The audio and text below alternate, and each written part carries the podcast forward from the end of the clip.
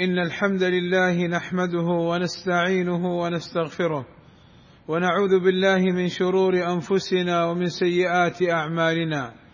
من يهده الله فلا مضل له ومن يضلل فلا هادي له.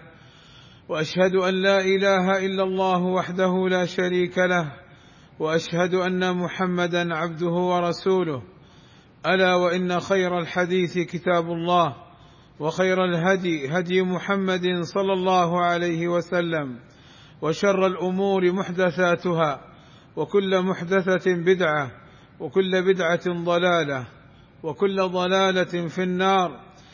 أما بعد فاتقوا الله حق التقوى وراقبوه في العلن والنجوى واشكروه على نعمه التترى.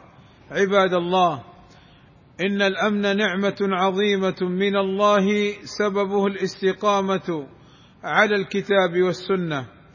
ونحن في المملكة العربية السعودية بفضل الله اولا واخرا ثم بفضل ولاة أمرنا نعيش في نعمة الأمن والأمان. ولا نبالغ إذا قلنا إننا نعيش في حفظ الأمن درجة تفوق دول العالم كافة.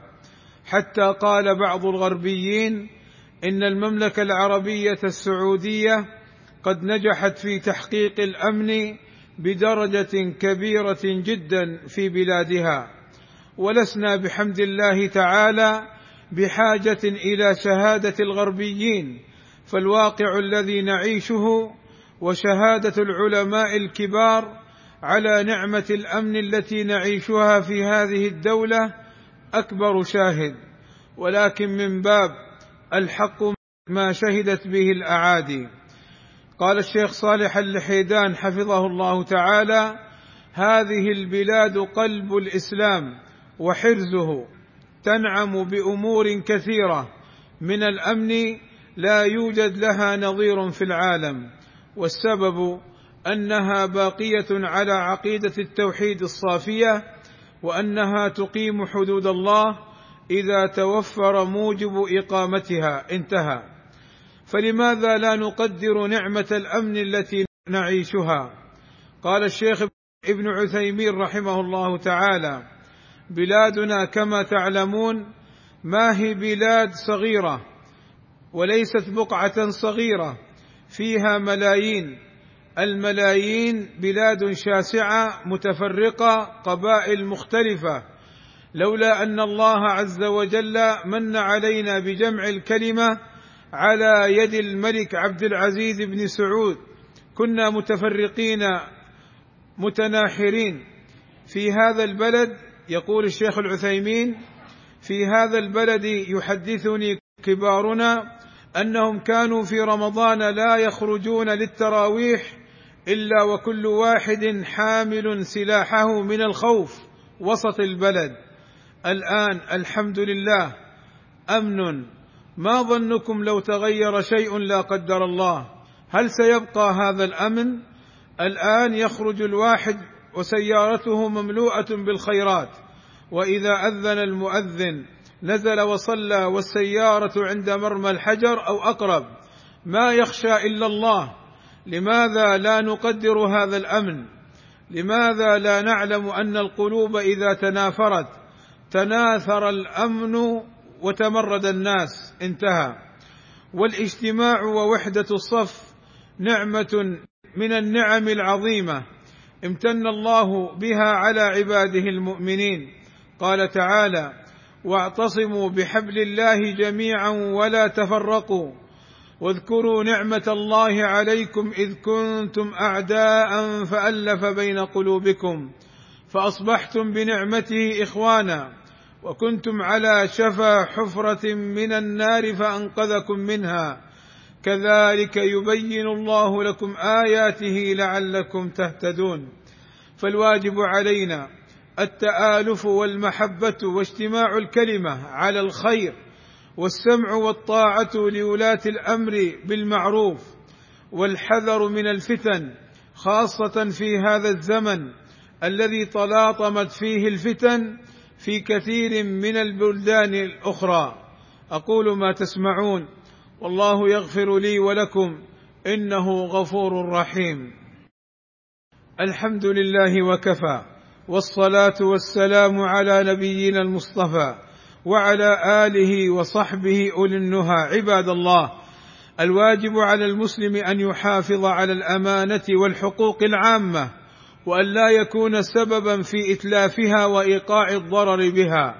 وإن من صور الأمانة المحافظة على الأموال والممتلكات العامة للدولة والمؤمن يتحلى بالأمانة والصدق ويؤدي الواجب الذي افترضه الله عليه ويسمع ويطيع لمن ولاه الله أمره ويسعى لقطع يد كل من يحاول الإخلال بالأمن والأموال ويبلغ عنه ولاة الأمر ليأخذوا على يده. عباد الله إن أهل الشر والفتن يسعون لإيقاد نار الفتنة بين الحاكم والمحكوم وإزالة الأمن والأمان فاحذروهم ولا تلتفتوا لهم.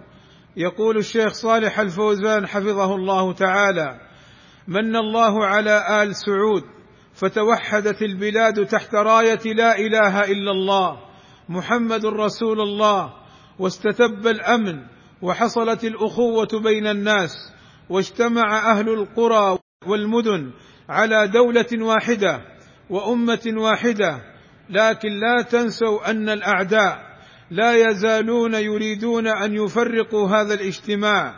هم يبثون الآن التفرقة بين هذه الأمة في هذه البلاد بما دسوه من مبادئ ومناهج غريبة ومشبوهة. تقبلها بعض الشباب. نسأل الله أن يصلحهم ويهديهم. والله إنهم لا يريدون بنا إلا الشر. لماذا يا عباد الله؟ ألسنا جماعة واحدة؟ ألسنا على دين التوحيد وعلى عقيدة التوحيد. ألسنا نعيش الأمن والاستقرار. من الذي يريد غير هذا؟ لماذا نقبل الأفكار الدخيلة والمناهج المستوردة؟ لماذا نترك ما نحن عليه من الدين الصحيح والعقيدة الصحيحة والمنهج السليم؟ ونحن في هذه البلاد ولله الحمد على اجتماع في الكلمة وصلاح في الراعي والرعية فمنهجنا سليم وعقيدتنا صحيحة فمجتمعنا ولله الحمد يسير على المنهج الرشيد. أنا لا أقول يقول الشيخ الفوزان أنا لا أقول إننا قد كملنا من كل وجه وليس عندنا نقص بل عندنا نقص. ولكن إذا قارناه بما عليه البلاد الأخرى يتبين الفرق العظيم فنقصنا يمكن إصلاحه بإذن الله تعالى إذا توافرت الجهود المخلصة وبذلت النصيحة وحصل التعاون. انتهى. واعلموا عباد الله أننا في ظل حكومة إسلامية تطبق شرع الله فعلينا أن نحافظ على هذا المعقل وأن لا نتخاذل عنه. عباد الله يقول المولى سبحانه وتعالى إن الله وملائكته يصلون على النبي. يا أيها الذين آمنوا صلوا عليه وسلموا تسليما. اللهم صل على محمد وأزواجه وذريته كما صليت على آل إبراهيم وبارك على محمد وأزواجه وذريته كما باركت على آل إبراهيم إنك حميد مجيد. وارض اللهم عن الخلفاء الراشدين أبي بكر وعمر وعثمان وعلي وعن جميع أصحاب النبي صلى الله عليه وسلم. اللهم آتنا في الدنيا حسنة وفي الآخرة حسنة وقنا عذاب النار. اللهم اغفر للمسلمين والمسلمات والمؤمنين والمؤمنات الأحياء منهم والأموات. اللهم وفق ولي أمرنا الملك سلمان ابن عبد العزيز. لما تحبه وترضاه. اللهم وأصلح به العباد والبلاد. واحفظه اللهم من كل سوء. اللهم وفق ولي عهده. الأمير محمد ابن سلمان إلى كل خير. واحفظه اللهم من كل سوء. اللهم أيدهما بتأييدك ووفقهما بتوفيقك وأعز بهما الإسلام والمسلمين. وصلى الله وسلم على نبينا محمد وعلى آله وصحبه أجمعين والحمد لله رب العالمين.